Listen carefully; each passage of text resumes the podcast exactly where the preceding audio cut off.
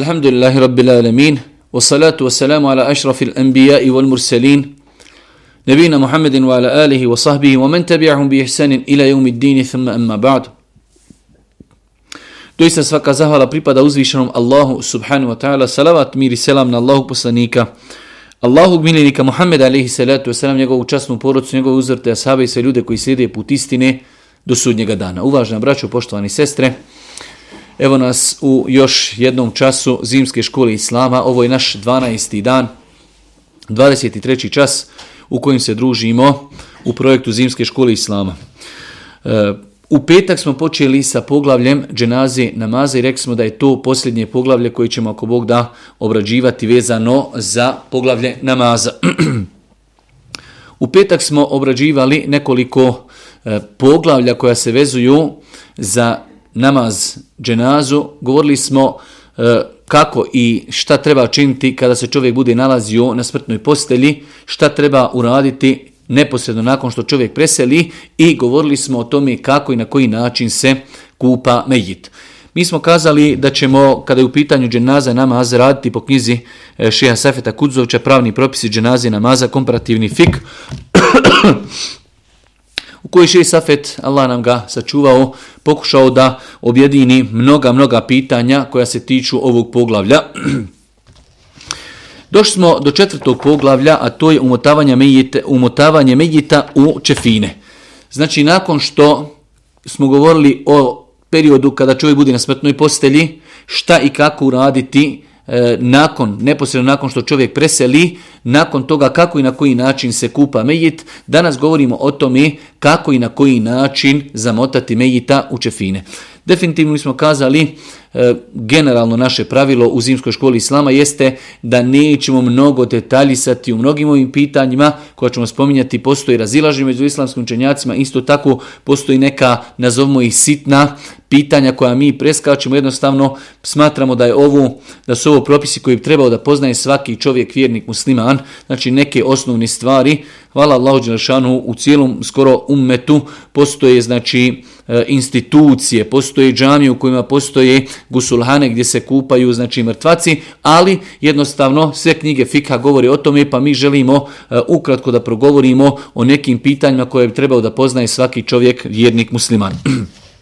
Kada je, pitanju, kada je u pitanju e, umotavanje Megita u Čefine, logično je, znači, nakon što smo išli nekim hronoškim redom, nakon što se Megit okupa, logično je da ga treba umotati kako bi se mogao, zamot, e, kako bi se mogao ukopati. Kaže Ši Safet, od vremena poslanika, ali se letu se nam do današnjih dana, muslimani umotavaju sve umrle u Kefine. Nema razilaženja među islamskim učenjacima o obaveznosti umotavanja umrlog muslimana u Kefine. Znači prva stvar, od vremena Božijeg poslanika, ali se letu selam pa sve do danas muslimani imaju kontinuiranu praksu da medjit nakon što ga, ukopa, nakon što ga okupaju, umotaju ga u čefine, sljedeći tome praksu Božijeg poslanika, ali se letu selam i nakon toga nastupa klanjanje dženazi i nakon toga nastupa ukop medjita. Kaže Šej Safet, nema razilaži među islamskoj učenjacima o obaveznosti umatavanja umrlog muslimana u kefine. Znači, islamski učenjaci imaju jednoglasan stav da je muslimanima obaveza da čovjeka muslimana koji preseli znači u njihovom društvu, da ga okupaju, da ga umotaju u kefine i da mu klanjaju dženazu i da ga ukopaju u zemlju. Kaže še i Safet, obaveza je muslimanima umot, e, obaveza je muslimana umotati u lijepe kefine. Džabi radijallahu tajom prenosi da je jedan od asaba preselio pa su ga umotali u kratke kefine i ukopali po noći. Kada je to saznao Allah poslanik rekao je kada budete umotavali svoga brata umotajte ga u lijepe kefine. Znači, muslimani se treba i potruditi u granicama mogućnosti. Hvala Allahu Đerašanu pa mi danas živimo u vremenu izobilja. Za vrijeme asaba se znalo desiti kao što se desilo e, Musab ibn Umeiru i drugima sabima, da neko od njih preseli i da muslimani u to vrijeme su živjeli toliko oskudno da nisu imali znači dovoljno platna da čovjeka samo zamotaju u jedan dio platna, pa se navodi za nekoliko saba da kada bi preselili, e, uzeli bi njihovo grtač kojih su oni nosili u svakodnevnom životu, kaže pa kada bi ga povukli na glavu, ostale bi otkrivene noge, kada bi pokrili noge, otkla bi se glava, pa bi znači oni na taj način pokrivali čovjeka tako što bi E, stavljali čefine ili njegovog grtač na glavu, a preko nogu bi stavljali e, da li neke travi ili nečega slično tomi. Znači, e, ako muslimani imaju mogućnost, lijepo je i pohvalno je da čovjeka muslimana ukopaju u lijepe čefine. Kaže Allah poslani, kada budete umotavali svoga brata, umotajte ga u lijepe čefine.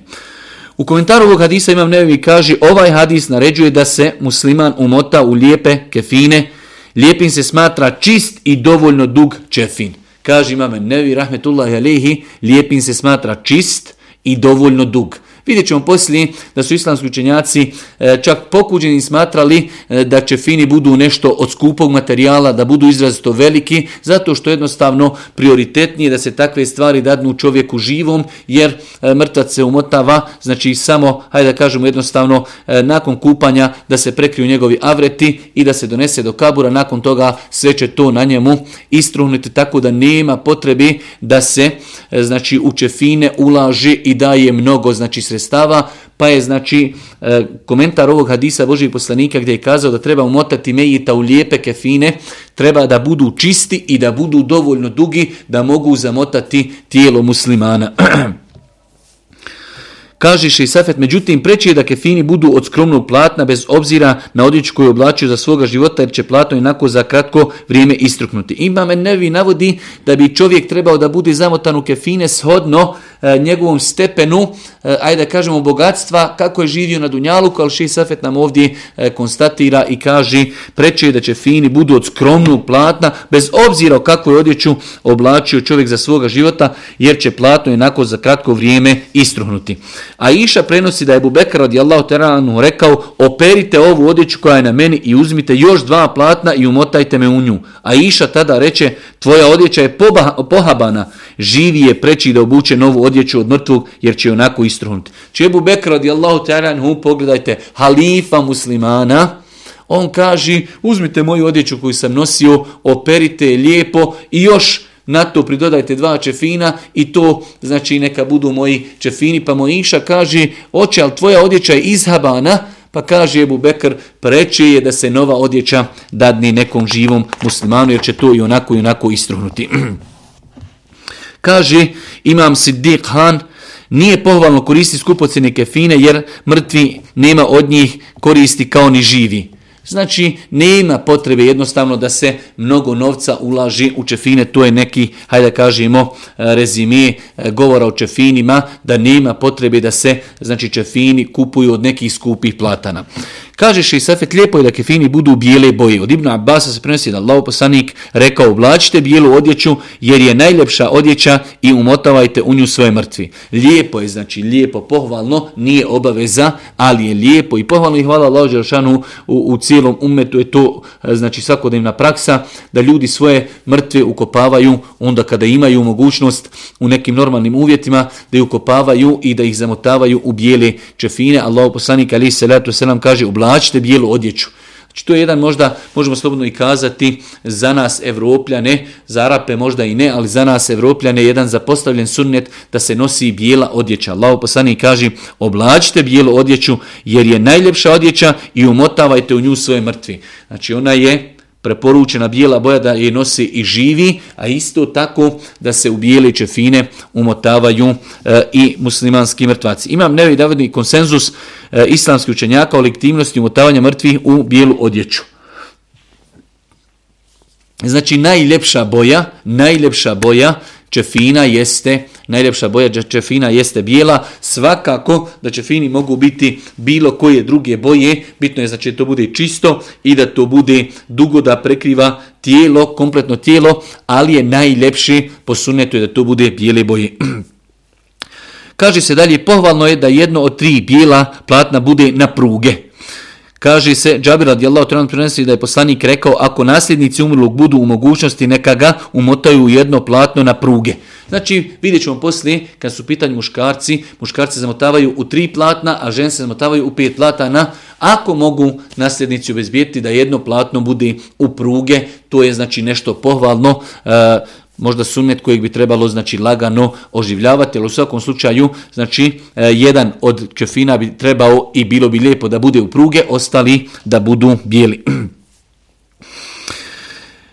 Sunnete po e, mišljenju apsolutne većine islamskih učenjaka umotati mejita u trodijelne čefine. A iša radijallahu talan je kazala Allah poslanik umotan je u trodijelne bijele pamučne kefine, a ne u košulju niti mu je stavljen posebno prekrivač na glavu osim čefina.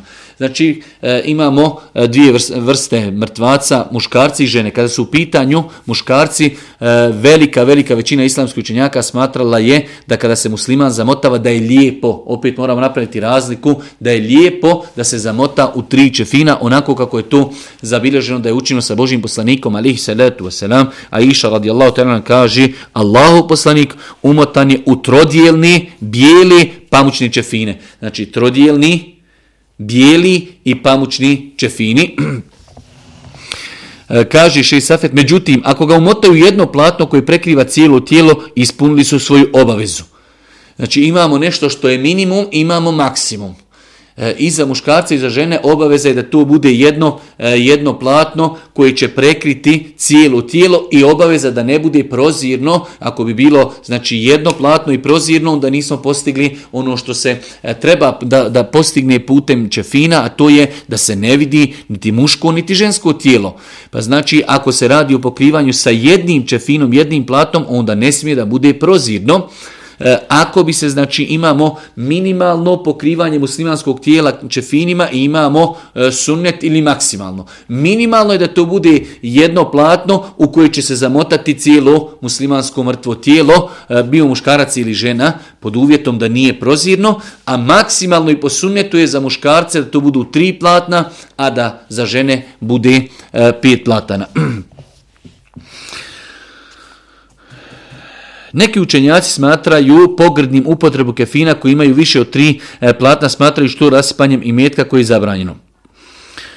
Svakako, ova konstatacija ima svoje mjesto, znači, e, rekli smo, jedni čefini su dovoljni da se e, prekrije muslimansko tijelo, druga, drugo i treće po sunetu Božijeg poslanika, nakon toga više od tri čefina može se smatrati bacanjem i rasipanjem i metka. Znači, kaže nam še Safet Kefini, moraju biti isključivo vrste platna koje je Mejit mogao oblašiti na ovome svijetu. Misli se, primjer radi, ne mogu Kefini biti muslimanu od svile muškarcu, zato što muslimanu muškarcu nije bilo dozvoljeno da nosi svilu za svoga života i kaže ne smiju biti prozirni niti ocrtavati stidnija mjesta tijela. Znači, bitno je da kefini postignu, da postignu e, ono što se njime, e, njima treba postići, a to je da se prekrije i zamota tijelo i da ne budu prozirni, da se ne daj Bože ne vide avreti muškarca ili ženi. Kaže še i Safet, pohvalno je po konsensusu islamci učenjaka staviti lijep miris na čefine. Pohvalno je znači da se, da se na čefine stavi miris. način umotavanja mejita. Nakon mirisanja kefin, kefin će se prostiti jedan preko drugog. Po prvom i drugom kefin će se poprskati hanut. Znači, za one koji možda nisu nikada gledali kako se e, umotaje mejit, e, zamislimo da je ovo sto na kojem će se umotavati e, mejit, na njega se prostruče fini, prostrije se jedan, pa se prostrije po njemu drugi, pa se prostrije treći. Prva, dva, znači lijepo je namirisati e, mirisom koji se proizvodi specijalno za te svrse, zove se hanut. E, Hanut, isto tako kada su u pitanju žefini, ako postoji razlika u kvaliteti, da imamo možda dva starija iznosana ili, hajde da kažemo, izbljeđena e, kefina, imamo jedan koji je nov, koji je dobar, onda taj novi stavlja se prvi na sto da bi on bio poslije, jer kada imamo prvi, pa drugi, pa treći, na, na njih ćemo spustiti medjita, pa ćemo zamotati medjita prvim čefinom, pa drugim, onaj treći što bude do stola, on je u osnovi prvi koji će biti vanština Megita, pa ako imamo e, razliku među kefinima, onda je najbolje da se prvi postavlja onaj koji je najkvalitetniji, zato što će on biti vanština koju će ljudi nositi i gledati. Pa znači, prva stvar, nakon mirisanja kefin će se prostiti jedan preko drugog. Znači, uzimaju se platna, prostri se jedno, prostri se drugo na, na, na, na taj isti čefin i treći. Nakon toga će se staviti medjit i on nakon toga će se zamotavati.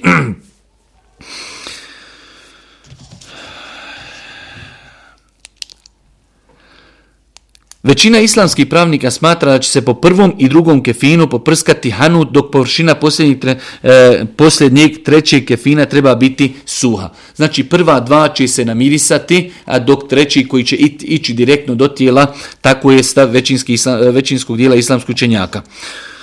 Ako se kefini budu razlikovati po svojoj kvaliteti i veličini, onda će najkvalitetniji i najveći biti prvi prostrti kefin, to je spoljašnji onako kako smo e, znači spomenuli. Ako imamo razliku u kefinima, u kvaliteti, dužini, onda onaj koji najbolji, onaj koji najkvalitetniji ide prvi, nakon toga stavljamo one koji su ili kraći ili koji su ili koji su, ajde da kažemo, e, manje kvalitetni.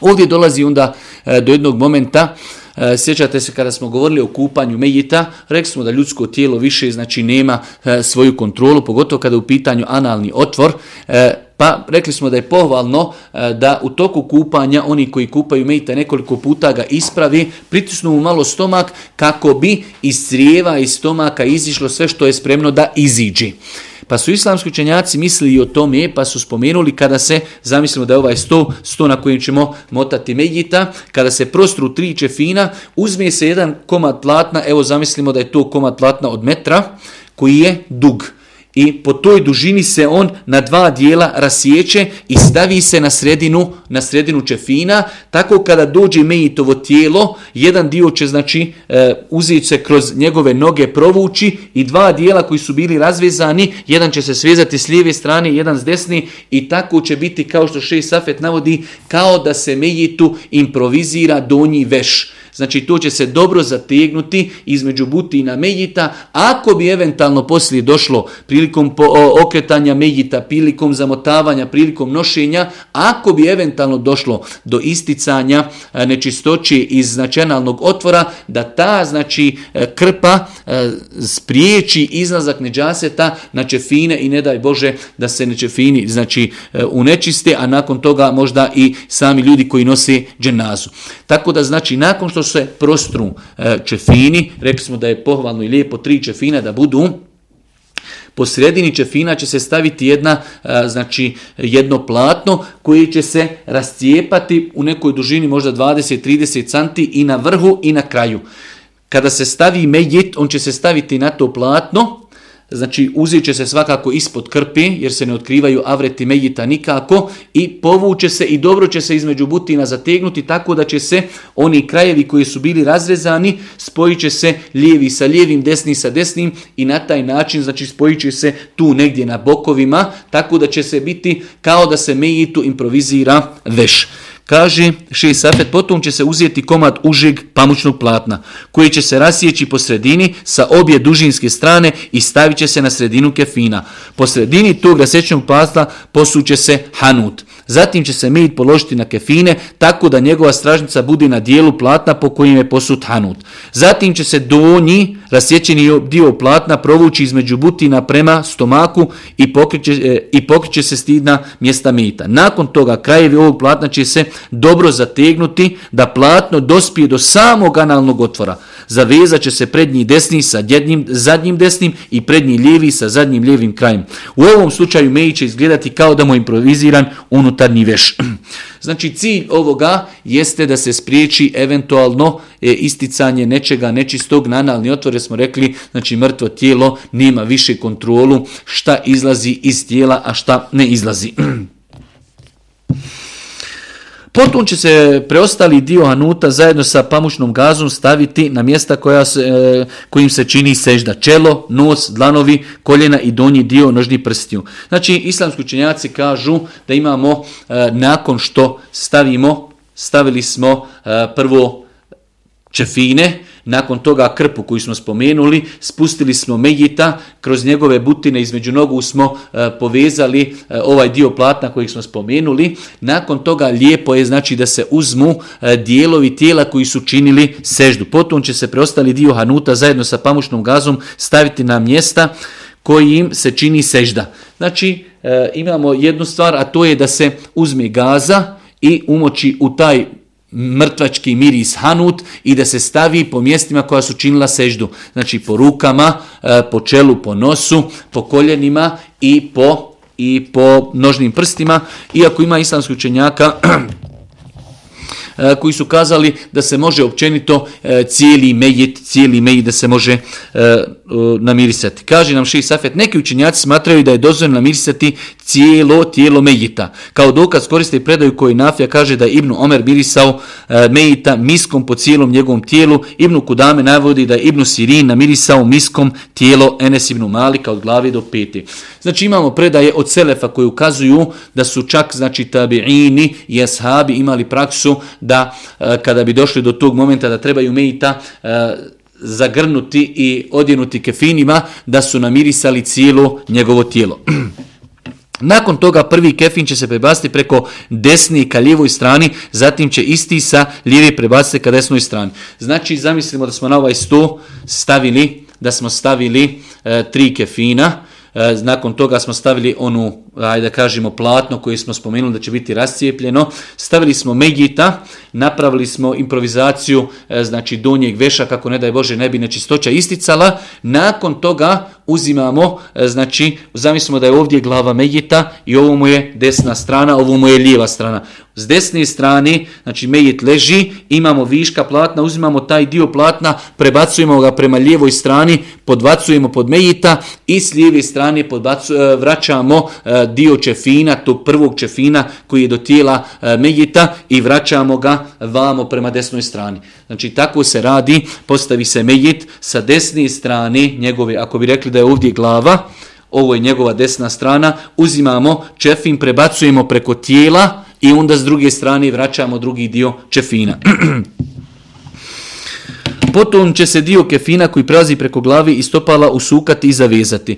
Ponovit ćemo, znači, takvu radnju jer imamo tri čefina, ponovit ćemo tri puta, jednom ćemo prebaciti s desne strane pa ćemo dio čefina prebaciti prema lijevoj. Drugi čefin isto i treći čefin isto. Svakako čefini su duži od ljudskog tijela pa će dole na kraju i kod nogu i kod glavi čefini će se usukati i na, na, na, na to usukanu će se staviti e, povez koji će sprečavati da se čefini odvezaju. Svakako mi ćemo gledati, inša Allah, e, ja sam već danas gledao da se neki video koji je profesionalno snimljen postavi e, kod mene stavljena na strancu da ljudi vide kako zaista izgleda praktično kupanje mejita i ove sve stvari koje mi komentarišemo mnogo je lakše vidjeti i naučiti. Pa znači kada mejita zamotamo sa tri čefina, višak platna iznad glave i ispod nogu uzima se, zasuče se i onda se premota kako se ne bi to ponovo odmotalo i preko toga se stavi znači povez kako na glavi tako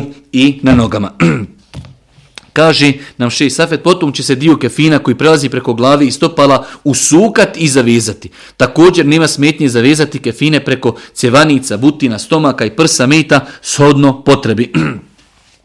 znači ako postoji potreba, uh, ako postoji potreba da se na nekoliko mjesta ljudskog tijela stavi neke poveznice koje bi, hajde kažemo, čuvale, čuvale e, čefine, nema u tome inšala ništa, nema u tome ništa sporno s tim što šeho ovdje navodi, međutim, ovi čvorovi se odvezuju nakon polaganja medjeta u kabor. Ovo je sve bilo, znači, kako se praktično zamotaje muškarac, ista je stvar i za ženu, s tim što za ženu postoji drugi propis, a to je u pogledu broja čefina.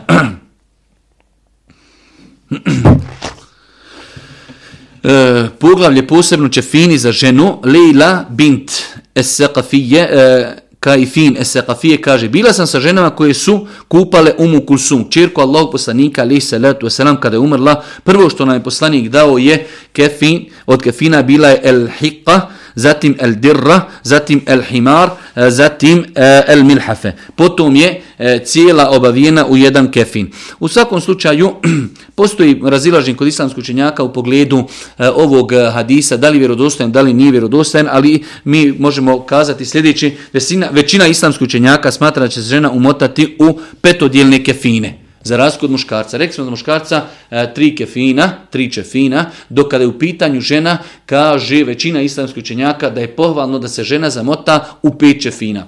Postoji sada razilaženje kod islamskih učenjaka e, Prvo imamo razilaženje bilo učenjaka koji su kazali da će se žena zamotati u sedam čefina, ali Allah najbolje zna e, tačno je mišljenje i, i nema potrebe da se zamotaju u sedam čefina, dovoljno je se žena zamota u pet čefina. E sada nisu to sve standardni kao što je bilo za muškarca da su to tri ista čefina, već znači kod žena postoji e, malo e, različiti znači, čefina u koji se zamotavaju posebno određeni dijelovi tijela, nakon toga se tijelo zamota e, u kompletan čefin oko cijelog tijela, s tim što u pogledu toga u svim mezebima postoje neki različiti načini kako se žensko tijelo zamotaju čefine iz razloga što to nije precizirano jasno u hadisma Božijeg poslanika.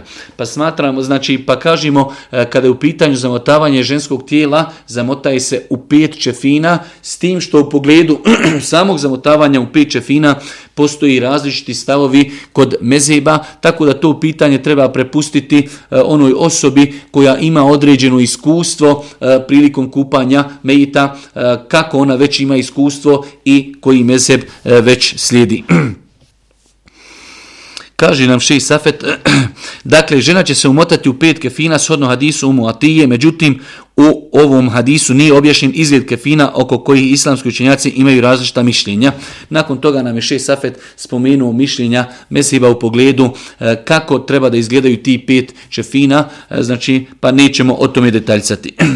Kaže na kraju Šeš Safet, nema smetnje na bilo koji od spomenuti način umotati žensko, e, umotati žensko u kefine, jer se u hadisima ne navodi kakvoća umotavanja, Allah Đelšan najbolje zna. Ono što je nama bitno zapamtiti kada je u pitanju muškarac, muškarac kad se zamotava, znači u tri čefina, to je po sunnetu, kada je u pitanju žena, zamotava se u pet čefina, kada je u pitanju zamotavanje muškog tijela, spomenuli smo način kako to bi trebalo da izgleda, kada u pitanju e, žena, znači u pogledu tih pet čefina, postoji e, različiti stavovi, e, zato što to nije mnogo precizirano hadisima, postoji različiti stavovi kod islamskih učenjaka.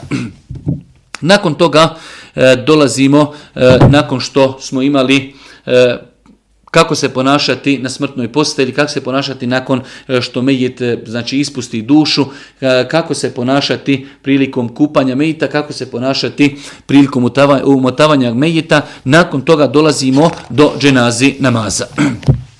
E, sama dženaza namaz, e, to jest osnova ovog poglavlja, ali jednostavno ovo su sve stvari koje su bile direktno vezane za dženazu, ne možemo donijeti čovjeka, nije okupa, nije zamotan, već samo onako da, da ga stavimo i da mu se klanja dženaza, pa je bitno da muslimani poznaju najosnovnije propise, možda se sutra nekome može desiti da on lično mora nekoga okupati, nekoga zamotati u čefine, da mu mora klanjati dženazu i tako dalje, pa je bitno da čovjek vjernik poznaje te propise. Kada je u pitanju dženaza namaz, kao sad, kao namaz, e, šest efet nam kaže dženama, dženaza namaz je kolegijalna obaveza, fartke faje. Ko porekne njenu legitimnost izlazi iz islama i smatra se otpadnikom vjere i po konsensusu islamsu učenjaka. Znači, e, dženaza namaz je kolegijalna obaveza, kolegijalna obaveza i ako bi neko porekao da u islamu postoji namaz koji se zove dženaza, on je zanijekao nešto krupno, zanijekao nešto što postoji od vrena Božih poslanika pa sve do dana današnjeg i takav znači se smatra otpadnikom od vjere jer negira nešto što u islamu je znači i tekako poznato među muslimanima. Kada kažemo kolegijalna obaveza, e, više puta smo pojašnjavali šta znači kolegijalna obaveza. To znači ako bi se desilo u jednom e, selu, u jednom gradu, da preseli jedan čovjek, I dvojica, trojica ljudi ga okupaju, umotaju čefine i klanjuju mu dženazu. Niko tog stanovništva nije griješan. Oni su sevab zaradili što su mu klanjali, što su ga okupali, što su ga umotali u čefine. Ali ako bi se desilo da niko u datom momentu, u nekom nasilju, niko e, ne ukopa muslimana, niti ga okupa, niti ga umota u čefine, onda svo to nasilje, sav taj grad je griješan, zašto nisu nekoga od muslimana zadužili da to završi. To je znači u islamu kolegijalna obaveza, ako neko određen propis ispuni, kao što je pitanje ezana, u nekom selu, ako živi muslimani, i jedan musliman samo ako prouči ezan, svi ostali, znači sa njih je pala obaveza. Ali ako niko ne prouči ezan, svi Ljudi u tom naselju su griješni. Takav je propisi sa dženazom namazom, klanjati dženazu namaz muslimanima, je kolegijalna obaveza, a vidjet ćemo poslije da se koriš dženazije vraća kako muslimanu, mejetu, tako i ljudima koji klanju dženazu. Ali ono što nam je bitno zapamti jeste da kada musliman umri, bez obzira što je bio možda u datnom momentu i neki veliki griješnik, muslimanima je obaveza da ga zakopaju. Za vrijeme Božijeg poslanika, ali se leo selam, znalo se desiti da Allah poslanik nekada izostavi dženazu nekom od svojih ashaba iz određenog razloga, ali je govorio ashabima, klanjajte vi tom čovjeku. Pa je obaveza muslimanima da jedna grupa muslimana čovjeka okupa i da ga zamota u čefine i da ga zakopa. Bez obzira, makar i činio velike grijehe, e, primjer radi, znalo je se desiti da ljudi imaju dilemu, neko izvršio samoubistvo, da li takvog insana treba e, okupati, da li mu treba klanjati. Ako je to čovjek bio musliman i izvršio samoubistvo, samoubistvo jeste jedan veliki grijeh, ali nikako ne izvodi čovjeka iz islama, Čak su kazali neki islamski učenjaci, ljudi koji završe na jedan, ajde da kažemo, loš način, oni su najprioritetniji da im se klanja dženaza, jer je dženaza upravo to dova da uzviše Allah subhanahu wa ta'ala se smiluje mejitu. Pa ako neko je već počinio, ne daj Bože, samoubistvo, što je neispravno, što je veliki grijeh, Ali muslimani treba da da ga okupaju, treba da ga zamotaju u čefine i treba da mu klanjaju i da moli Allaha Đelešanhu da mu oprosti ono, one grijehe, pogotovo grijeh s kojim je otišao sa Dunjaluka. Kaže nam šeji Safet, uh, Dženaza nama se sodno način obavljanja uveliko razlikuje od propisanih namaza jer nema rukua, seždite šehuda. Pored toga što je dženaza namaz djelimična kolegijalna obavezna, njena odlika je veoma značajna i velike propust o, o, o, ostaviti dženazu namaz. Znači vraćamo se dženaza, namaz se sodno način obavljanja uveliko razlikuje od propisanih namaza. Dženaza namaz, za one koji možda nisu vidjeli kako se klanja džena, dženaza namaz, razlikuje se od svih drugih namaza. Znači svi namazi i podne i kindija i akšan i jacija i duha namaz i noćni namaz i vitr namaz, svi ti namazi imaju istu formu. Znači imamo stajanje, imamo učenje, imamo kijam, imamo seždu, imamo ruku i tako dalje. Dok kada je u pitanju dženaza, e, opet je u tome Allahova velika mudrost, dženaza se u većini slučaja klanja na otvorenom, dženaza se može klanjati i, i, i, i u e, znači, e, mezaristanu, bilo bi poprilično teško opterećujuće ljudima da moraju činiti negdje na zemlji ili možda na kamenu ili u prašin da moraju činiti seždu i sjediti, pa se dženaza nama sva obavlja stojeći. Znači nema rukua, nema tešehuda, nema sjedinja. Sva se dženaza nama se kompletna obavlja e, stojeći. Ebu Urire prenosi da Allah poslanika alihi salatu selam rekao ko prisustuje dženazi sve dok se uh, ne obavi namaz, njemu pripada kirat. Ako prisustuje i ukopu, njemu pripadaju dva kirata. Znači imamo dženazu, namaz imamo kao dva stepena. Imamo prvi stepen da čovjek prisustuje dženazi i ne prisustuje ukopu. I imamo drugi stepen da čovjek prisustuje dženazi i prisustuje ukopu. Kaže je Buhurire, Allaho poslanik je rekao, ko prisustuje dženazi, sve dok se ne obavi namaz, njemu pripada kirat. A ko prisustuje i ukopu, njemu pripadaju dva kirata. A šta su to dva kirata, upitali su asabi, ka, rekao je Allaho poslanik, kao dva velika brda. Allaho poslanik je rekao, u drugoj verziji Božji poslanik je odgovorio da je manje od ova dva brda kao Uhud. Uhud a u jednoj verziji stoji svako od njih je veći od Uhuda.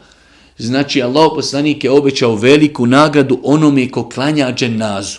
Znači, kada je u pitanju dženaza, imamo dvije nagrade. Imamo nagradu onima koji klanjaju dženazu, onima koji prati dženazu, a u isto vrijeme imamo nagradu onome kome se klanja dženaza pa je korist znači obostrana, zato muslimani zaista je velika šteta kada čovjek čuje da je bila negdje dženaza, nije klanja u dženazu. Zašto? Zato što e, znači prilikom klanja dženaze čovjek on lično zarađuje nagrade, a s druge strane ima i mejit korist u tome. Zato je došlo u vjerodostojnoj predaji da Abdullah ibn Omer nije ovaj hadis čuo, znači e, do možda pred kraj svog života o vrijednosti slijedeđenja dženazi.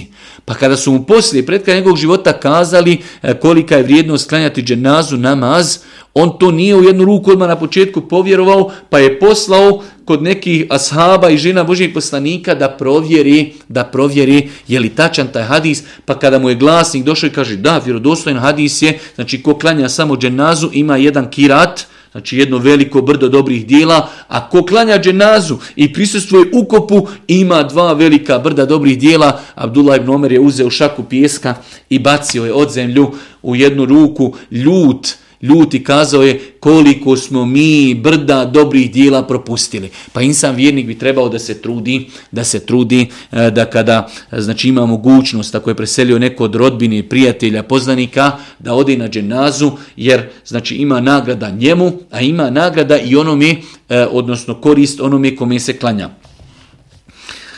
No. Kaže Ši Safet, ovo je nagrada onima koji klanju dženazu namaz. Što se tiče Medjita, njemu također pripada nagrada zbog dovi koja mu se čini. A Iša, radijallahu ta'ala, prinosi da je Allah poslanik, alihi salatu wasalam, rekao, ako jednom muslimanu klanja dženazu namaz, drugi stotin muslimana, Ako jednom muslimanu klanja dženazu namaz drugih stotinu muslimana, muslimana doveći za njega, Allah će im primiti njihovu dovu. Allahu poslanik kaže, ako čovjeku muslimanu klanja dženazu stotinu ljudi, zauzimaju se za njega, dovi za njega, uzvišen Allah subhanahu wa ta'ala će se odazvati i primit će njove dove. U drugoj verziji koji prenosi Ibn Abbas stoji, ako jednom muslimanu klanja dženazu 40 ljudi koji Allahu ne pripisuju druga, Allah će primiti njovo zagovaranje, to jeste njovu dovu. Znači ovdje je došao čak hadis manji, 40 ljudi, ali je došla klauzula ljudi koji ne čine širk Allahu, ako dođe na dženazu 40 ljudi i zamole Allah s.w.t. i dove za ovog čovjeka uzvišeni Allah s.w.t. će se odazvati njovim dovama i primit će njovo zagovaranje šefat za tog medjita. Imamo još jednu nagradu koja se opet vezuje za medjita, to je Malik ibn Hubeire kaže da je Allah poslanik rekao ako neko muslimanu klanja dženazu tri safa ljudi, Allah će ga uvesti u džennet. Ako neko muslimanu klanja dženazu ljudi koji su raspoređeni u tri safa, kaže njega će uzvišeni Allah subhanahu wa ta'ala uvesti u džennet. Tako ćemo vidjeti da su ljudi u prvim generacijama onda kada bi na dženazu došlo malo ljudi. Imamo predaje da je znalo doći e, na dženazu sedam ljudi pa su se poredali u tri safa. U jednom safu bi bilo tri, u jednom bi bilo dva, u trećem bi bilo dva. Zašto? Da se postigne ova nagrada, to je da se znači ljudi klanjaju dženazu namaz e, u tri safa. Svakako ako, ako su safovi veći, to je mnogo bolji, ali ako ima i malo ljudi, ovo je jedna stvar koju, koju je lijepo znati i vjerujem da je, da je možda nepoznan sa velikom broju ljudi, a to je znači da je Boži poslanik Ali se letu selam kazao, ako nekom muslimanu klanja dženazu namaz tri safa ljudi, Allah će ga uvesti u džennet. Kada bi Malik ibn Hubeira klanjao nekom dženazu sa malo ljudi, podijelio bi u tri safa. U jednoj predaj se navodi da je Ebu Umame rekao, Allahu poslanik je klanjao dženazu namaz sa još sedam ljudi. U jednom safu su bila tri čoveka, u drugom e, u, u drugima, u druga dva podvojica ljudi. Imam Ševkani tvrdi, safom se smatraju najmanje dvojica, a nema najviše granice. Znači, pohvalno i lijepo je da kada ljudi hoće klanjati dženazu, ako je takva dženaza, da je malo ljudi došlo, da bez obzira da se ljudi pokušaju podijeliti da budu znači u tri safa, minimalno jednom safu treba da budu dvojica ljudi. Tako da ako bi došao Efendija ili neko ko će prevoditi dženazu i još šest ljudi, podijelit se dva, dva, dva i klanjat svi e, znači e, u tri safa. Nakon toga i ovo je zadnje pitanje ako Boga koji ćemo obratiti u ovom predavanju, nakon toga ćemo inšala u drugom pošto nam je e, način dženaze malo poduži, pa ćemo ako Bog da u drugom predavanju nastaviti da govorimo o tome kako se klanja dženaza namaz, e, rekli smo e, da je pohvalno i lijepo e, da što više ljudi klanja, pa je došlo jednoj, jednom hadisu je došlo da će uzvišnji Allah za, e, privati za uzimanje stotinu ljudi, u jednom hadisu je došlo 40 e, ljudi koji Allah subhanahu wa ta'ala ne čini širk ako klanjaju čovjeku dženazu, e, da da će uzvišen Allah e, prihvati njihovo zauzimanje i rekli smo, bez obzira da li bilo malo ili mnogo ljudi, lijepo je da se poredaju minimalno u tri safa, a ako ima i više od tri safa, onda je to svakako bolje. Kada je u pitanju dženaza namaz, rekli smo e, da dženaza namaz nema ruku, nema znači e, sjedenje, nema tešehud, sve se obavlja stojeći. Shodno tome, kaže nam še safe, što se tiže samih safova, treba da budu poravnani i potpunjeni, kao kod propisanih namaza. Džabir kaže da je poslanik sallallahu alejhi ve sellem klanjao dženazu namaz neđaši a sav se poredali za njega u dva safa. Na osnovu ovog hadisa Imam Buharija u Sume Sahihu naslovio celinu safovi za dženazu namaz. Slično ovaj naslonio je naslovio je Jebu Davudi Nesaija. Ibn Munzir je naslovio poglavlje naredba stajanja u safovima za dženazu. Imam e, Altar kaže, safovi se ravnaju i izbijaju kako se, pa, kao za propisani namaze, tako i za dženazu namaz. Kazao je Ibnu Kudame, sunjete poravnati safove za dženazu. Pa znači, e, e, kada je u pitanju klanjanja dženazi, lijepo je, mi smo govorili posebno jedno poglavlje kada je u pitanju namaz, da je pohvalno i lijepo da, da se imam koji predvodi ljude da se okreni, da ljudima i naredi i preporuči ravnanje safo. Tako isto je znači, sa dženazom, pogotovo što dženaza nema znači e, ništa drugo osim sve je u safovima, sve je e, u, u stojećem stavu, pa je pohvalno i lijepo i vidimo ovdje imam Buharija u svom sahihu postavio posebno poglavlje ravnanje safo, imam Ebu Davud je postavio poglavlje ravnanje safova prilikom dženazi namaza, pa znači e, e, propisano je i lijepo je da prilikom ovoljanja namazi dženaza, e, dženazi namaza budu safovi dobro popunjeni i da budu e, pop, e, ispravljeni. Ovdje ćemo se, ako Bog da, zaustaviti. E, nakon toga, ako Bog da, u drugom predavanju govorimo konkretno kako i na koji način se klanja dženaza namaz i ako Bog da, govorit ćemo još o nekim pitanjima. Subhaneke Allahumma da bihamdike, ešedu in la ilaha ilan stakfiruke, vojetubu ilik. Oh